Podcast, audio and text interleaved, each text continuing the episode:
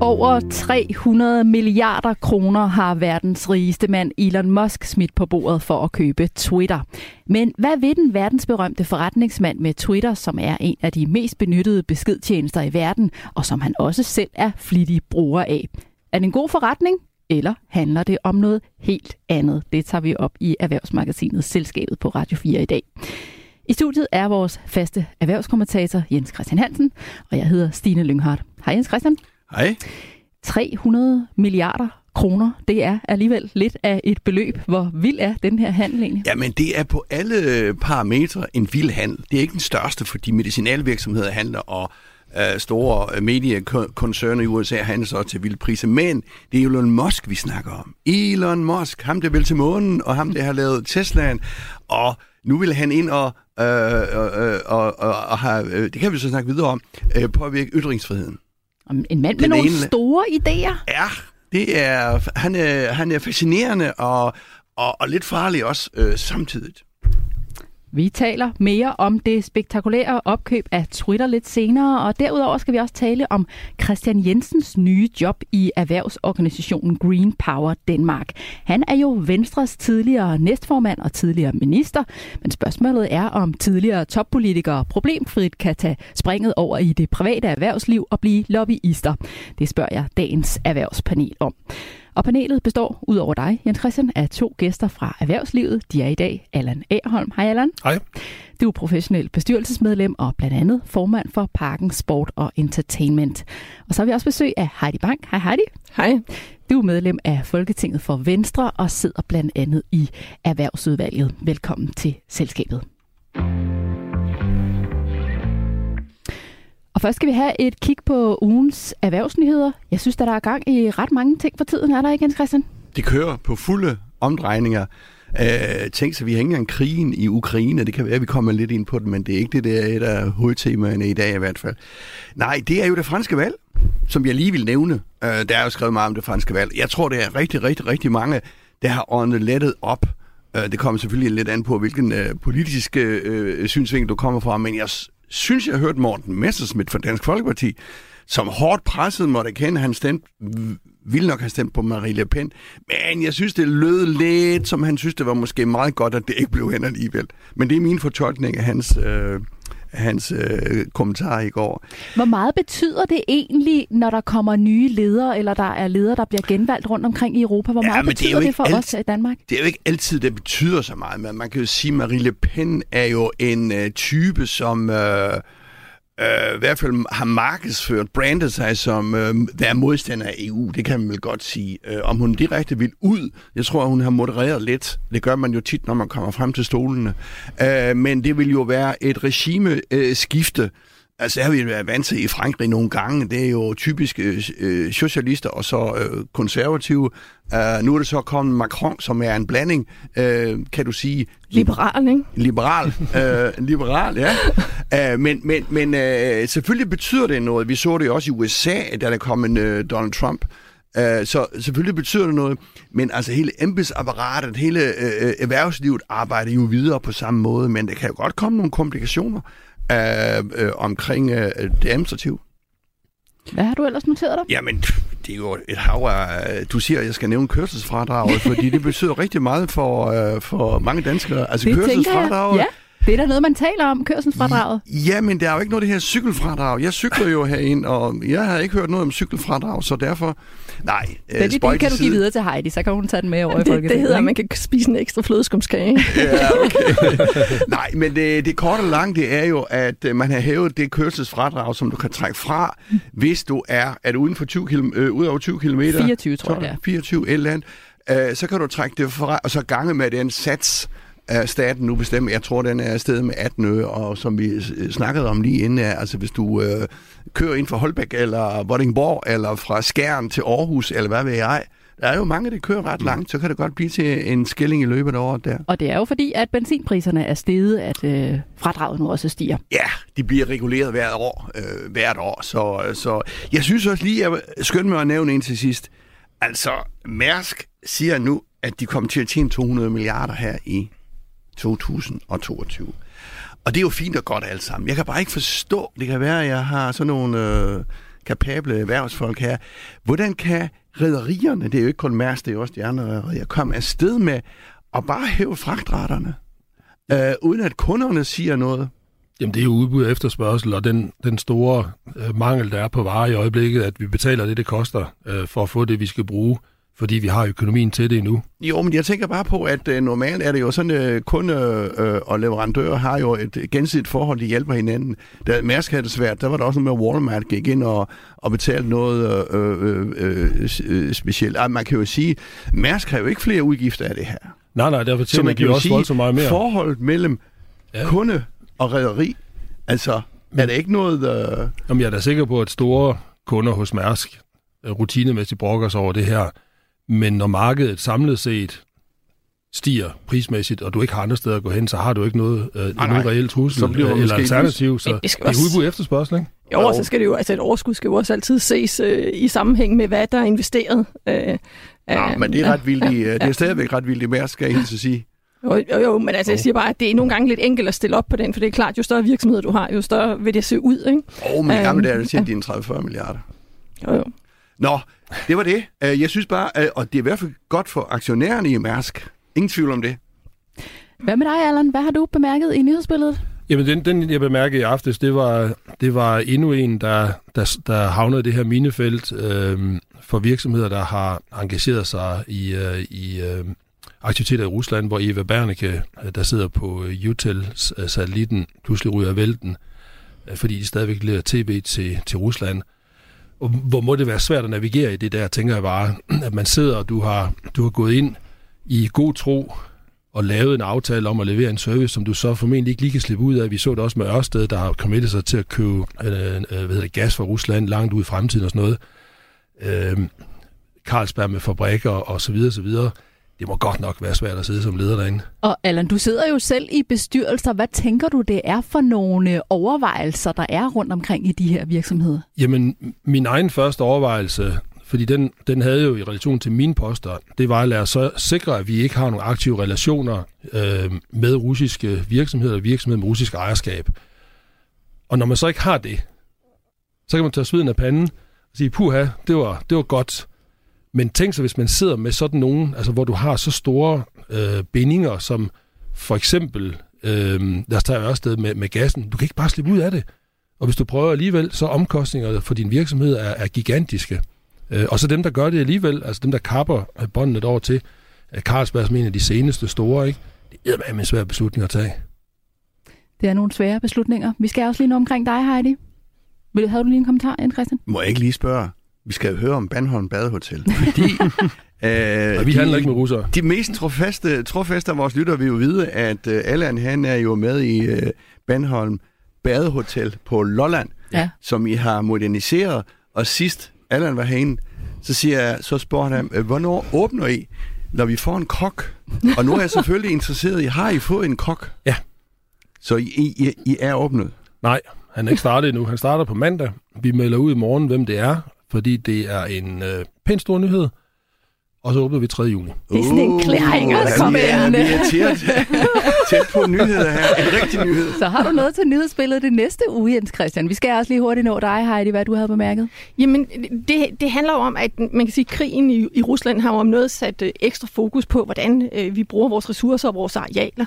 Og det er noget, vi i forvejen har været optaget af. Og derfor så synes jeg, det er enormt glædeligt at se, at, øh, at virksomhederne også begynder for eksempel at tænke over noget så småt, kan man måske synes, det lyder, som de arealer, der ligger rundt omkring deres øh, bygninger, fordi vi har en udfordring i forhold til biodiversitet og sikre det. Øh, og, og på den ene side vil vi jo gerne have, have arealer til andre ting, til, til vind og til energi og til at producere mad. Og derfor så giver det rigtig god mening, at der er nogle virksomheder, blandt andet Koloplads, blandt andet nogle af de store dagligvarer, øh, øh, hvad hedder det, øh, ejer, der går ud og ligesom siger, at vi har alligevel grønne arealer rundt om vores, øh, vores produktionsanlæg, vores bygninger. Dem vil vi gerne øh, prøve at øge biodiversiteten på. Så det der med at prøve at få tænkt det bredere rundt, øh, det synes jeg er stærkt og en rigtig god øh, nyhed, som jeg håber andre lader sig inspirere af. Så andre, øh, alle bidrag tæller her, om, om man så må sige. Ja. Tak for ugens nyhedsoverblik.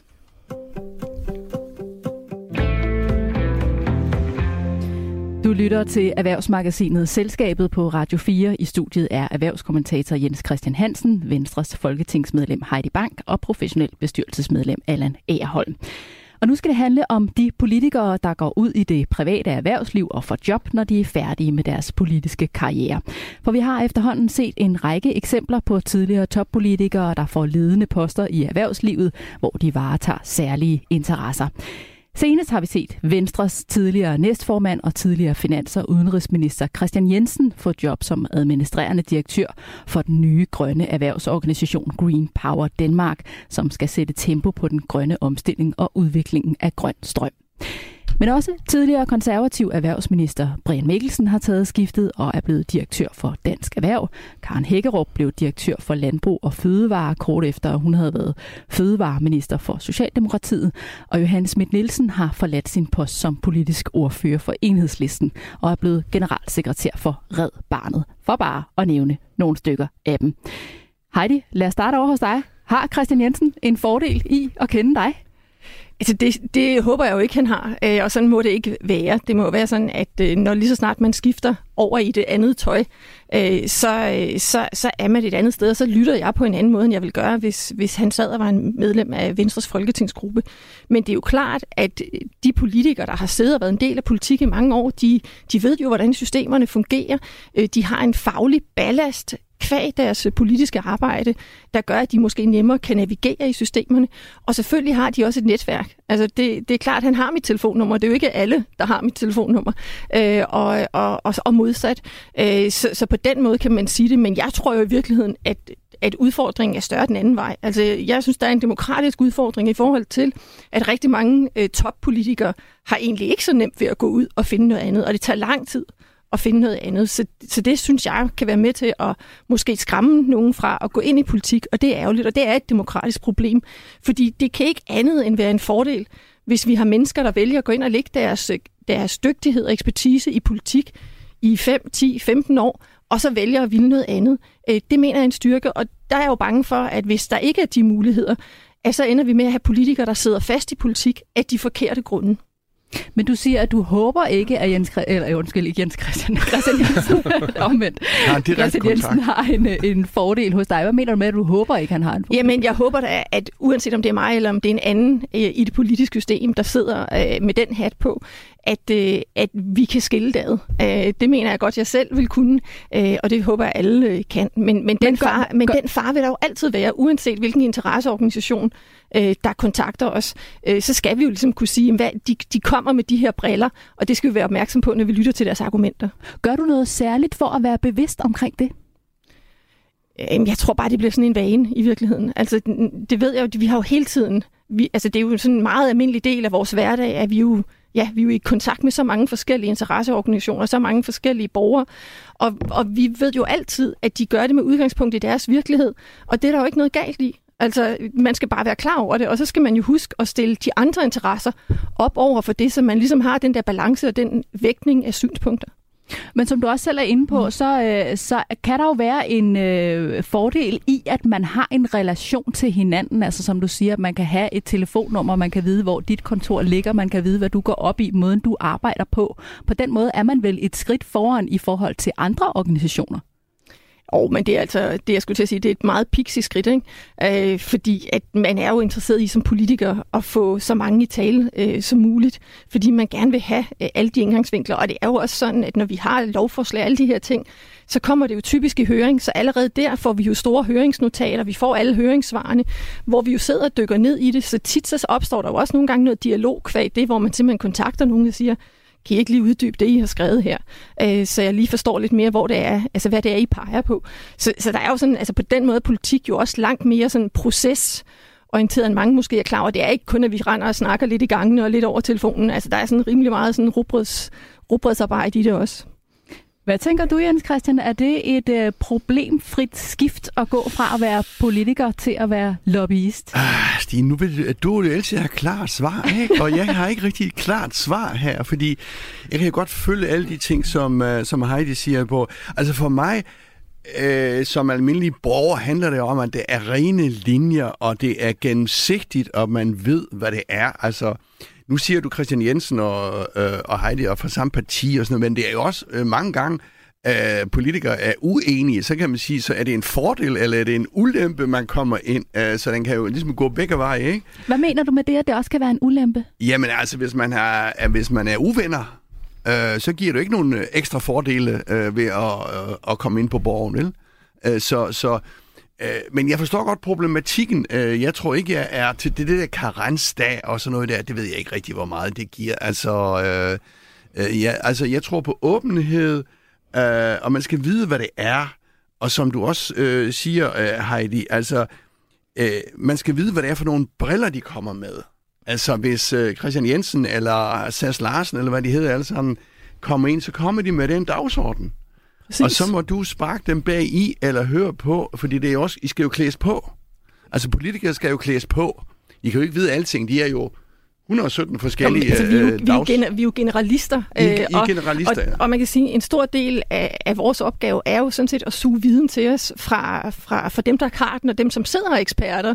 Øh, men igen skal vi jo hele tiden huske på, at ofte så hører vi fra, fra, fra forskellige organisationer eller mennesker, som har en bestemt dagsorden. Og det er der jo ikke noget galt i. Man skal bare være, man skal bare være opmærksom på det. Øh, og der er det klart, at har man en, en virkelig dygtig lobbyist, så har den organisation jo en fordel.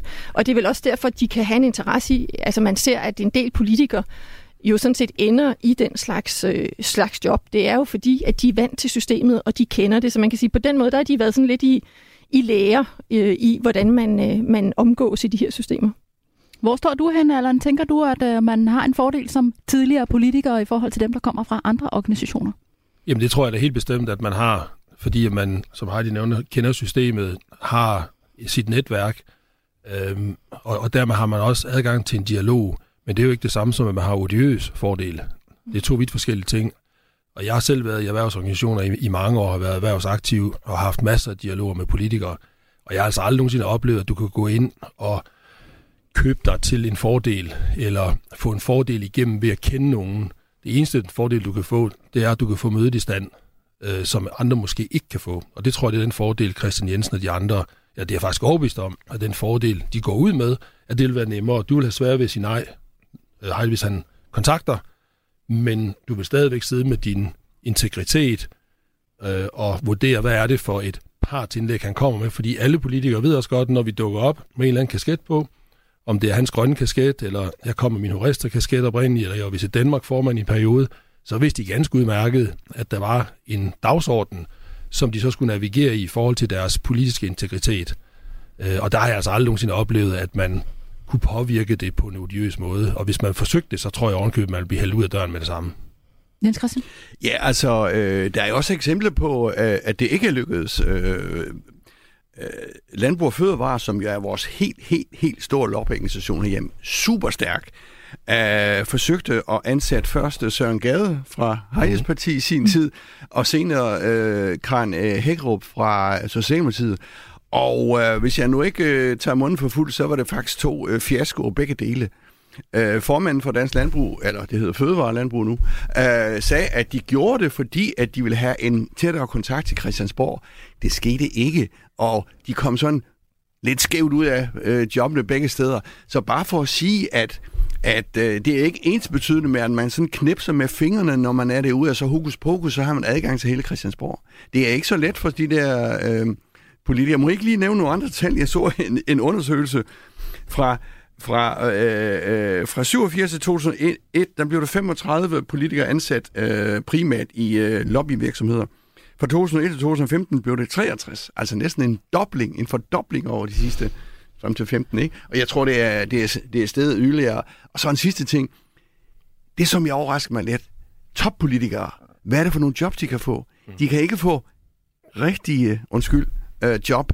De kan få sådan i, det er jo i erhvervsorganisationer, det er i lobbyorganisationer, og der er de selvfølgelig stærke, der kan de jo øh, øh, mekanikken der, men de går ikke ud at blive driftschef i, øh, i, i Koloplast eller Lego eller sådan noget. Øh, den erfaring har de ikke. De har ledelseserfaring, men den passer åbenbart kun øh, til lobbyvirksomhed. Men Allan, tænker du, at øh, du siger det her med, at det kan åbne nogle døre? Tænker du også, at det er det, der er formålet fra virksomhed, virksomhedernes side med at ansætte tidligere toppolitikere, som jo ikke nødvendigvis har den faglige viden til at bestride jobbet? Jeg tror bestemt, det er en af årsagerne. Fordi det er et spørgsmål om at, at købe den erfaring ind i butikken. Øhm, både muligheden for at, at hvad hedder det, få mødet i stand, men også hvordan virker systemet så? Altså, hvordan er det, man skal fremlægge sin sag? Hvordan skal man gøre det, for at man får den nødvendige slagkraft øh, hos politikerne? Øh, fordi alle interesse- og brancheorganisationer har jo noget, de skal have bakset på plads. Øh, og, og, og det er jo det er dialogens vej, og, og som du nævnte, øh, politikerne forsøger at få alle vinklerne ind, for så danne sig et overblik og en mening ud for den politik, man nu engang har fra, fra det parti eller den personlige politik, man har, og så, så træffer man en beslutning, som man kan stå inden for. Det, det, er, jo, det, er, jo, det er jo processen. Heidi, nu øh, nævnte Jens Christian før ordet øh, karensperiode, og der er jo for eksempel en meget skarp regulering af finanssektoren og hvem der kan blive bankdirektører. Hvorfor har vi ikke det samme i politik, og burde vi have det? Man kan sige, vi har det jo ikke, vi har det jo ikke særlig mange steder. Vi har det heller ikke særlig meget på, på arbejdsmarkedet, der er det også øh, svært at forhindre, at en går til en konkurrent øh, fra, fra en anden.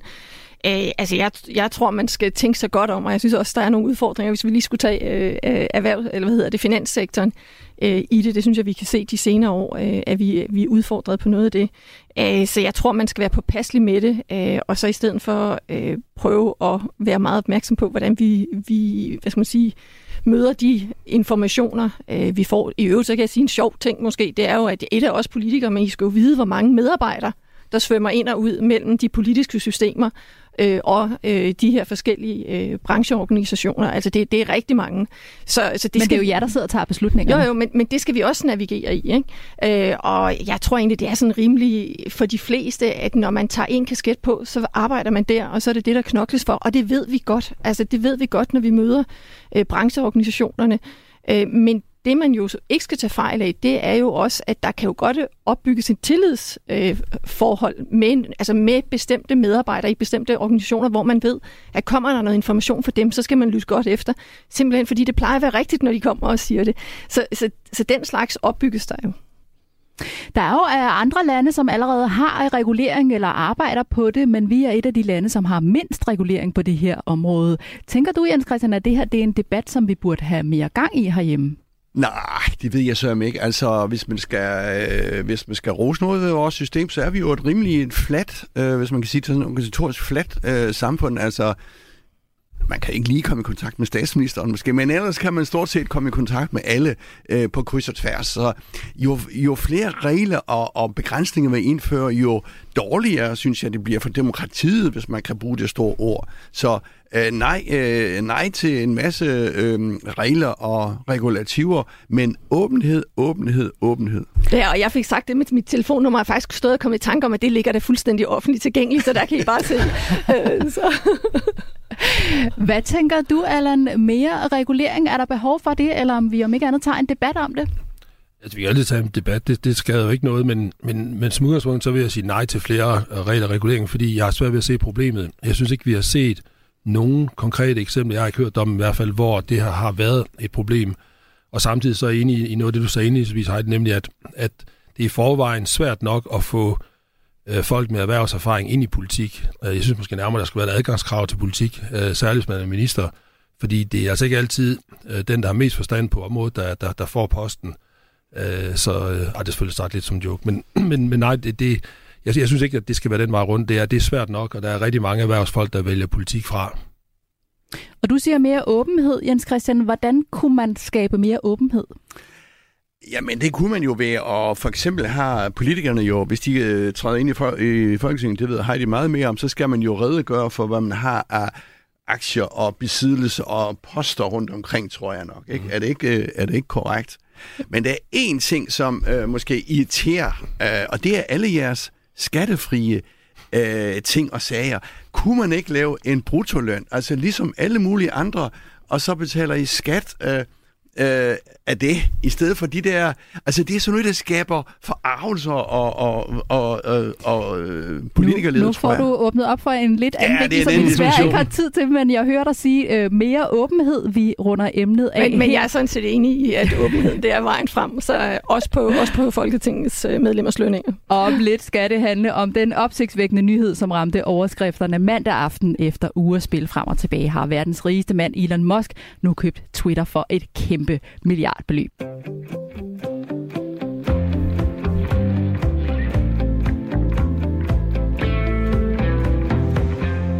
Du lytter til Erhvervsmagasinet Selskabet på Radio 4. Vi stiller skarpt på ugens store erhvervshistorier og analyserer og debatterer med vores gæster fra erhvervslivet.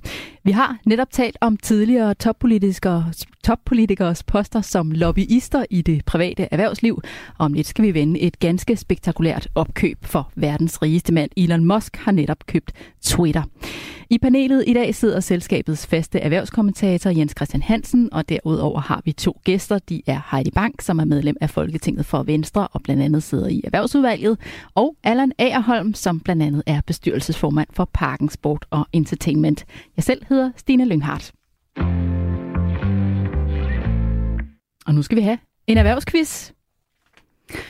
Og vi spiller fortsat gæsterne mod erhvervskommentatoren.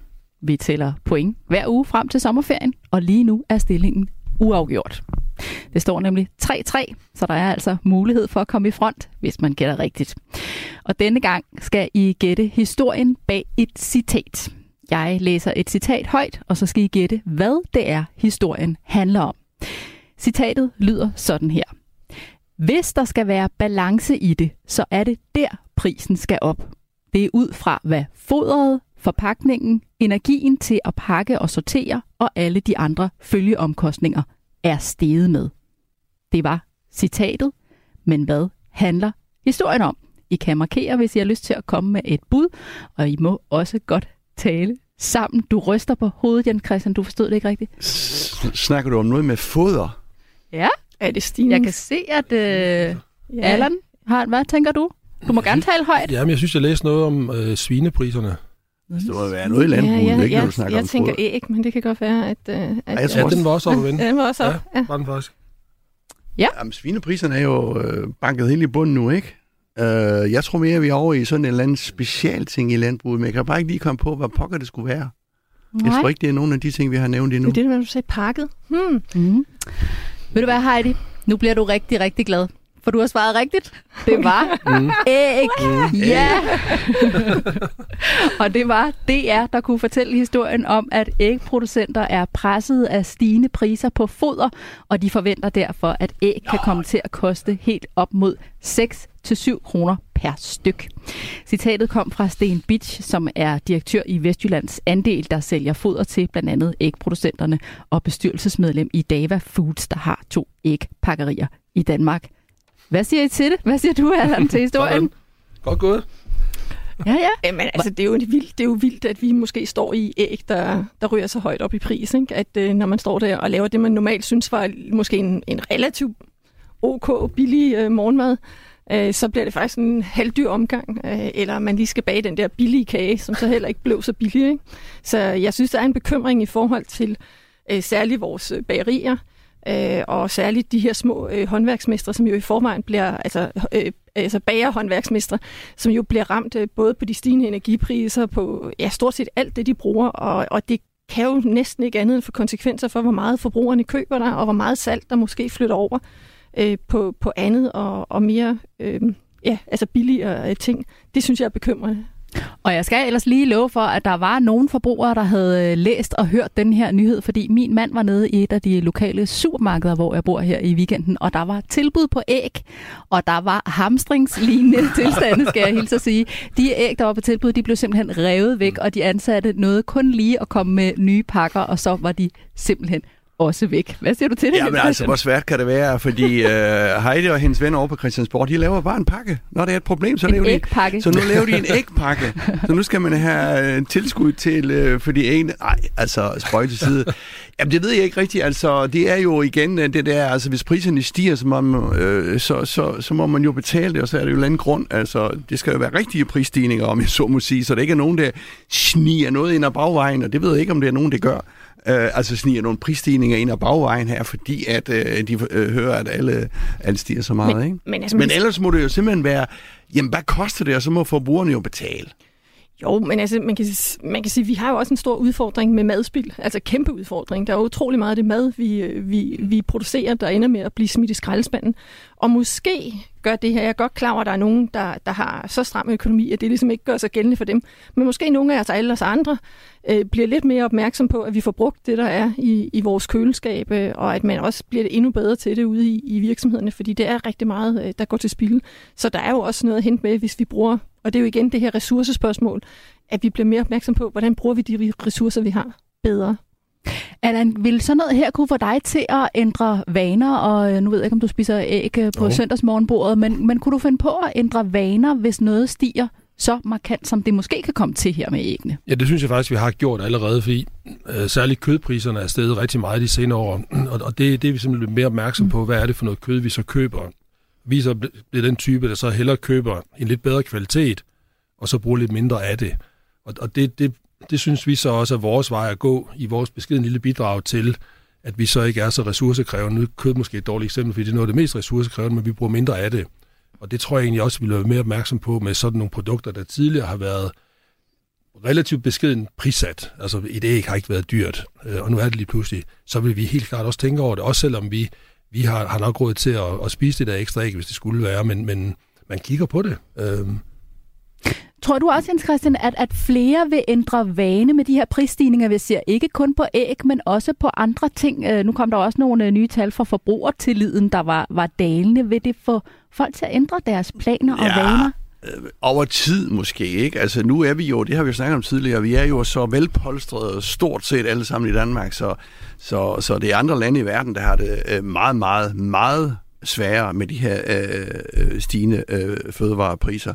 Men ja, selvfølgelig, hvis A er, hvad var det, 4-5 øh, gange dobblet op ja, i? Ja, 6-7 kroner stykket. 6-7 kroner stykket. Så vi ryger op omkring 60 kroner på en så vil det der, øh, og, og man tænker over det 3 eller 4 gange, når man står nede i, i supermarkedet, jamen så finder man måske en lidt billigere løsning næste gang. Altså, men jeg tror, det skal tage noget tid, Uh, nu siger du, det er hamstring og sådan noget der. Det er jo... Det var altså, meget lokalt i hvert fald. Ja, ja, ja. ja, ja, men jeg ja. tror altså, det er rigtigt det med hamstring, for jeg har altså også bemærket, når jeg er ude at handle, at der, hvor der er tilbud, altså der er jo simpelthen ryddet hylder, det er som om, der kommer en og siger, jeg tager bare, jeg tager bare alle dem, der står der. Når der er tilbud på smør, ja. så og, vælter og det ind. Altså jeg vil så også lige anholde lidt, det du siger, at, i forhold til, til det her med, at vi er så velpolstret.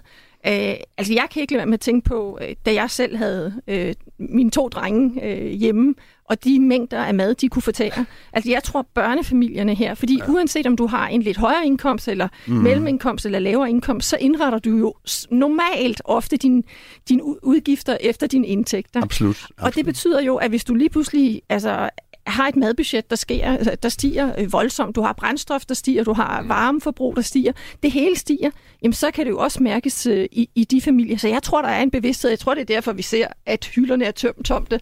Øhm, det er i hvert fald det er alt fra peanut butter til, jeg ved ikke hvad, hvor jeg tænker, ah, okay. Ikke?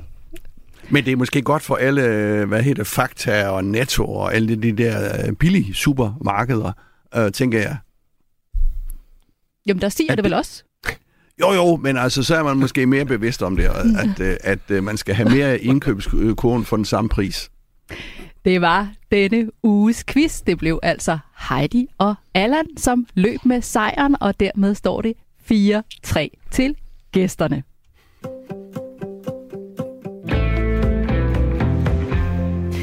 Mm. Verdens rigeste mand Elon Musk har købt det sociale medie Twitter for over 300 milliarder kroner, og dermed overtager Musk en af de mest benyttede beskedtjenester i verden.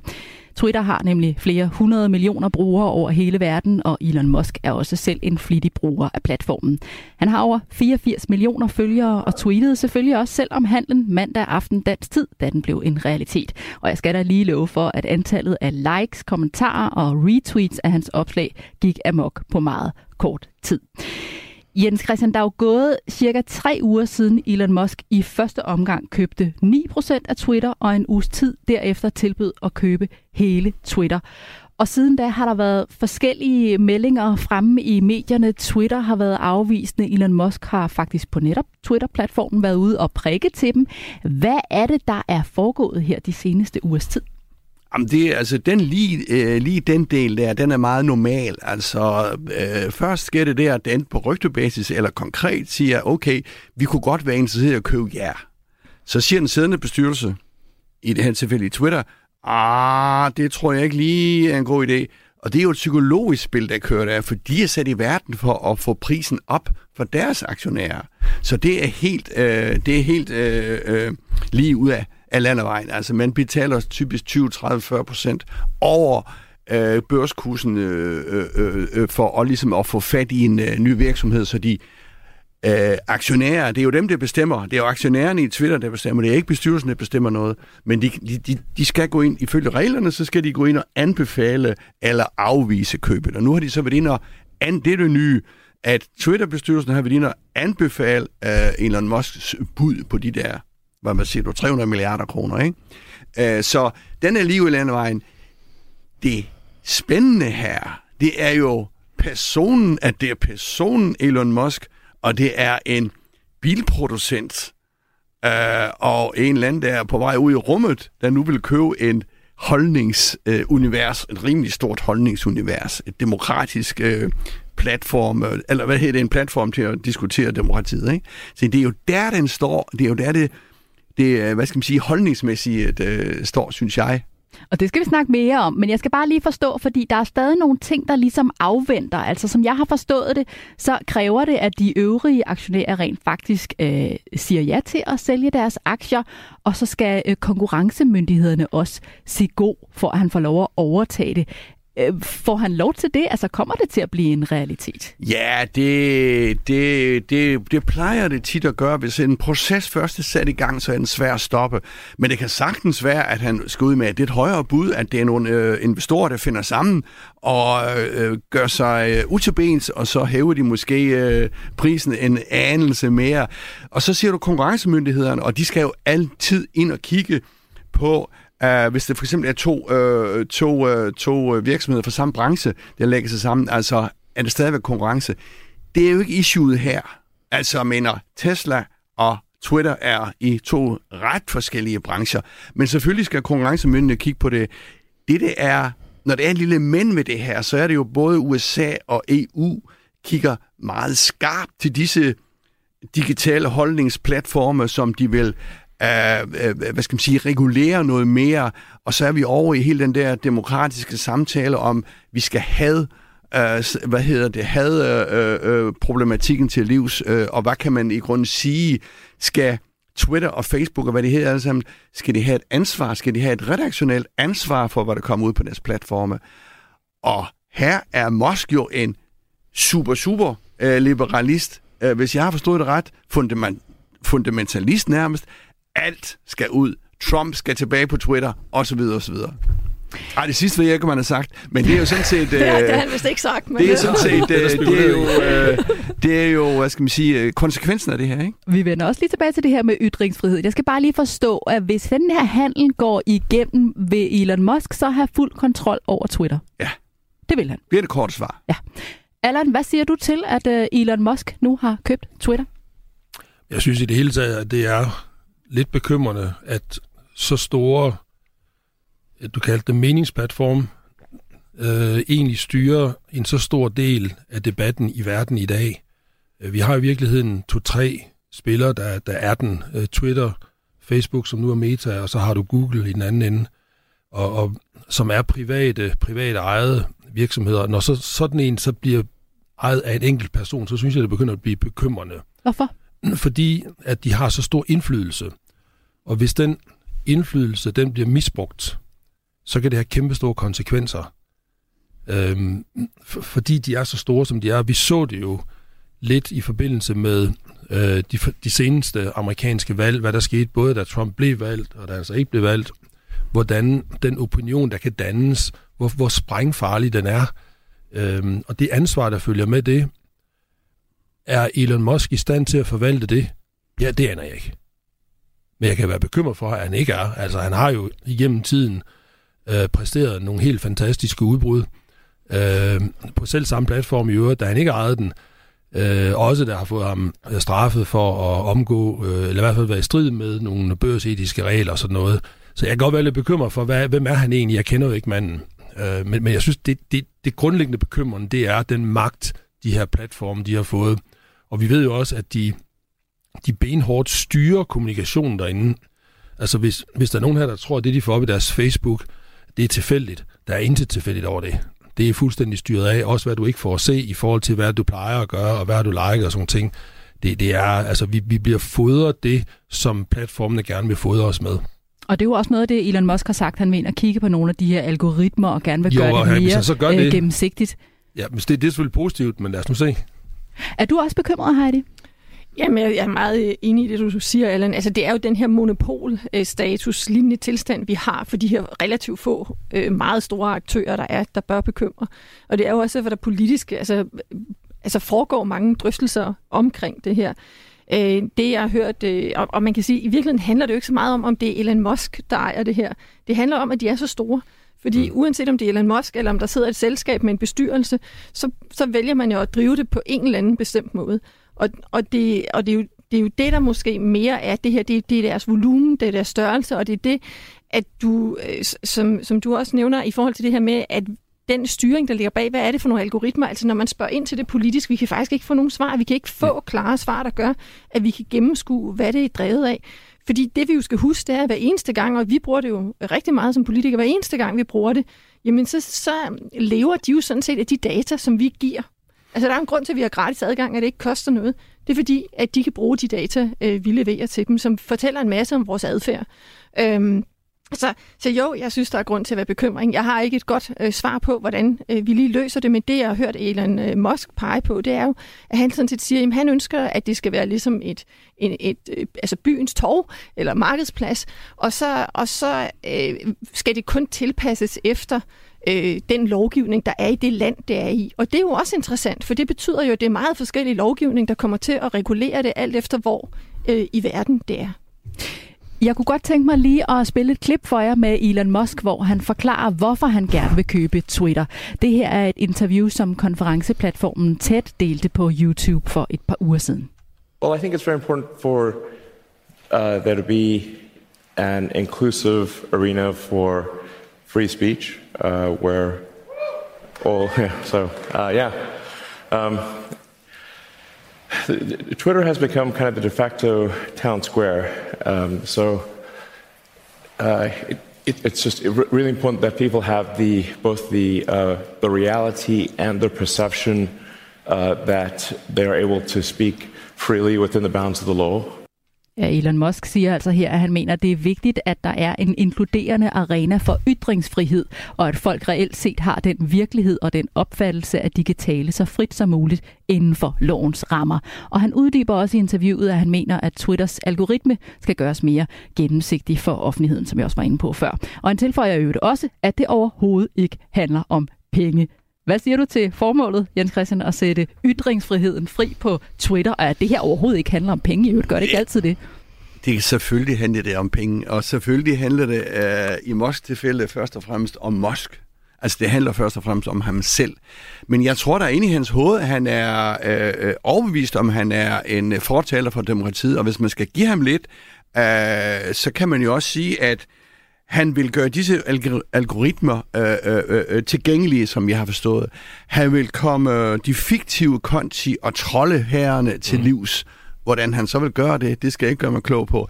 Men hvis det kan lykkes med det, Uh, apropos det, vi lige snakkede om, uh, så de ikke kan, du kan sætte sådan en trolde her ind og påvirke et valg uh, rundt omkring, jamen, så kan han måske uh, komme med nogle gode ting. Men altså, glem det er cool business selvfølgelig uh, for ham. Altså, der er uh, uh, først og fremmest for øh, Musks økonomi.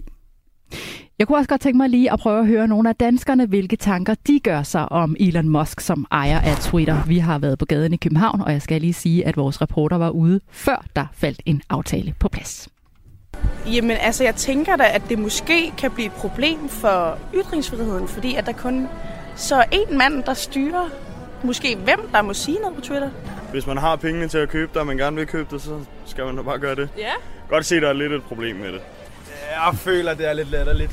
Men det er også fordi, at, at man, har jo, man har jo hørt om den her konflikt, han har haft med Twitter CEOs og alt det der. Har han ikke nok magt i forvejen måske? Jeg tror godt, man vil øh, kunne se nogle udfordringer. Det er nok lidt farligt. Men på den anden side, så tænker jeg, at det er den vej, det hele går også med Zuckerberg, og at de store de bliver større, og de små bliver mindre. Jeg kan godt se hans pointe bag det, at han gerne vil ud med alle sine meddelelser, men jeg synes bare, det er en lidt underlig måde at gøre det på, og så bare købe hele virksomheden, fordi han har lyst til at sige et eller andet.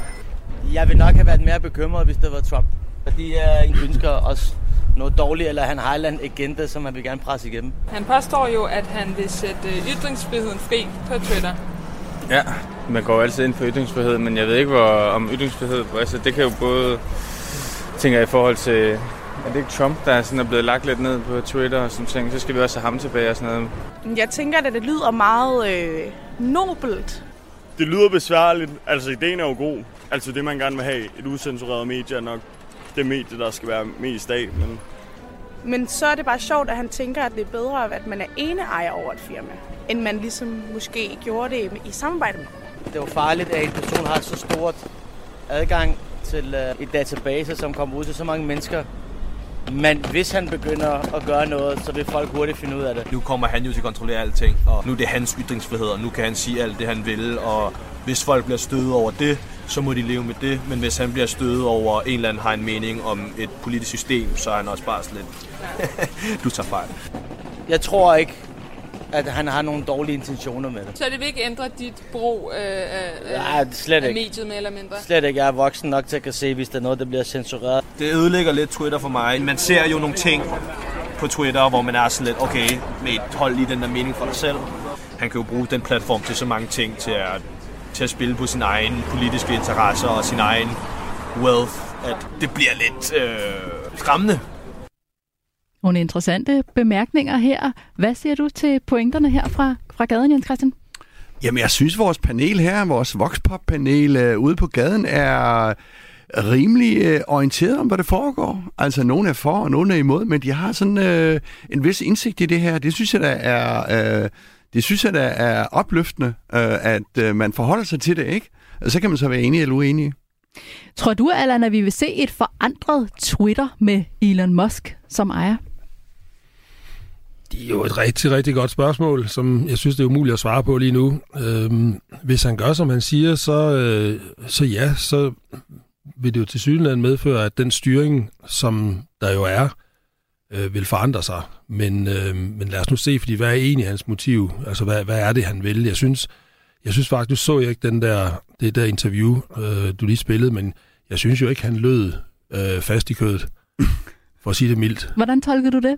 Jeg, jeg tolker det som om, at han sad og prøvede at finde en, en udenomsnak på noget, han, han ikke rigtig havde styr på. Altså, det lød, jeg synes, det lød overbevisende.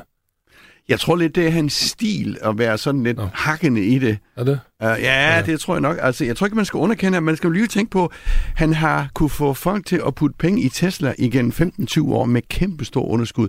Så han må have en fantastisk overtagelsesevne, øh, øh, kan man sige, ikke? Så, Øh... Jo, men det, det, det har du ret i. Hvis han altid taler sådan, nu, nu kender jeg ham jo ikke, og har ikke hørt ham så altid, så det var sådan, det var sådan, jeg, jeg synes bare ikke, det lød særlig overbevisende. Men hvis han altid er sådan, så er det jo sådan, ja. Så virker det jo.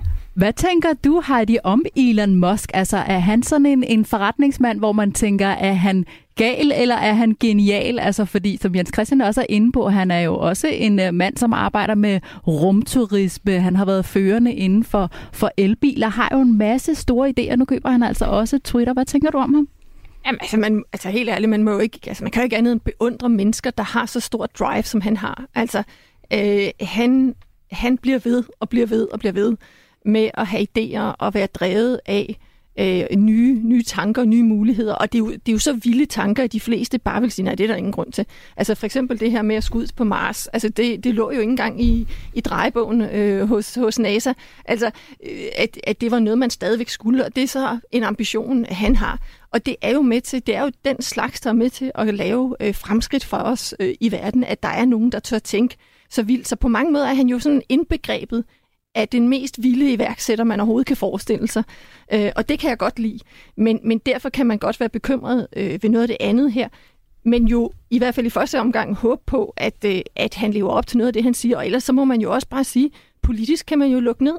Altså det er jo, det er jo, et, det er jo et valg, man kan træffe politisk, at man ikke ønsker øh, de her virksomheder, hvis de ikke begynder at indlevere øh, noget af den viden og den data, vi har brug for, for at få en større gennemsigtighed. Og Allan, du sagde, at han var sådan lidt øh, vævende omkring sin motivation. Tror du, det er, øh, handler det her om ytringsfriheden, som han siger, eller er det simpelthen for at gøre en, en god forretning?